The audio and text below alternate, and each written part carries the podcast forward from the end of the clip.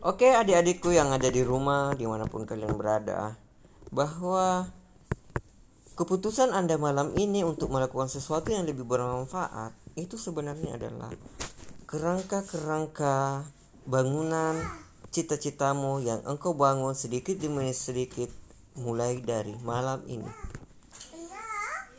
Pernahkah Anda sadari bahwa posisi Anda hari ini merupakan sesuatu yang Anda buat di masa lampau?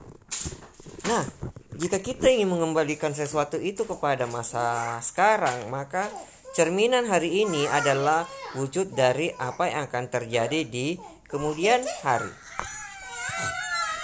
Baik, ada beberapa hal yang perlu saya jelaskan kepada adik-adik sekalian bahwa tidak semudah itu kita merangkai masa depan.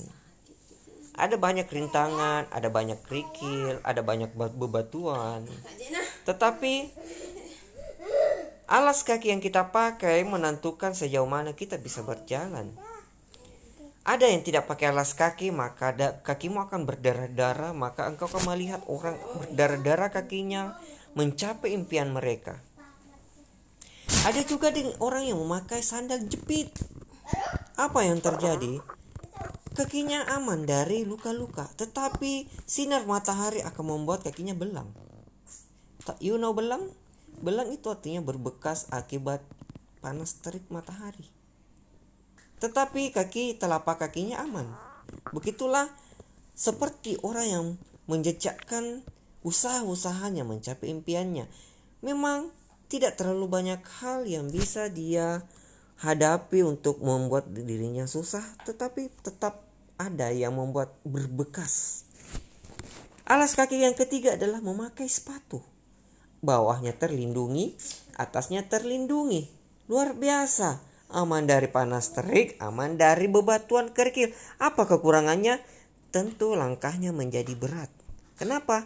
Sepatunya model laras. Contoh ya. Jadi dia aman dari segala cobaan, tetapi pergerakannya semakin lambat. Jadi intinya apa yang saya ingin sampaikan kepada adik-adik sekalian bahwa bagi kalian yang masih muda, silakan memilih cobaan apa yang ingin kalian lewati, tools apa yang ingin Anda pakai. Jika Anda ingin mudah, pasti berat membawanya. Anda ingin cepat, tetapi bersiap-siaplah untuk luka. Jadi, salam sehat.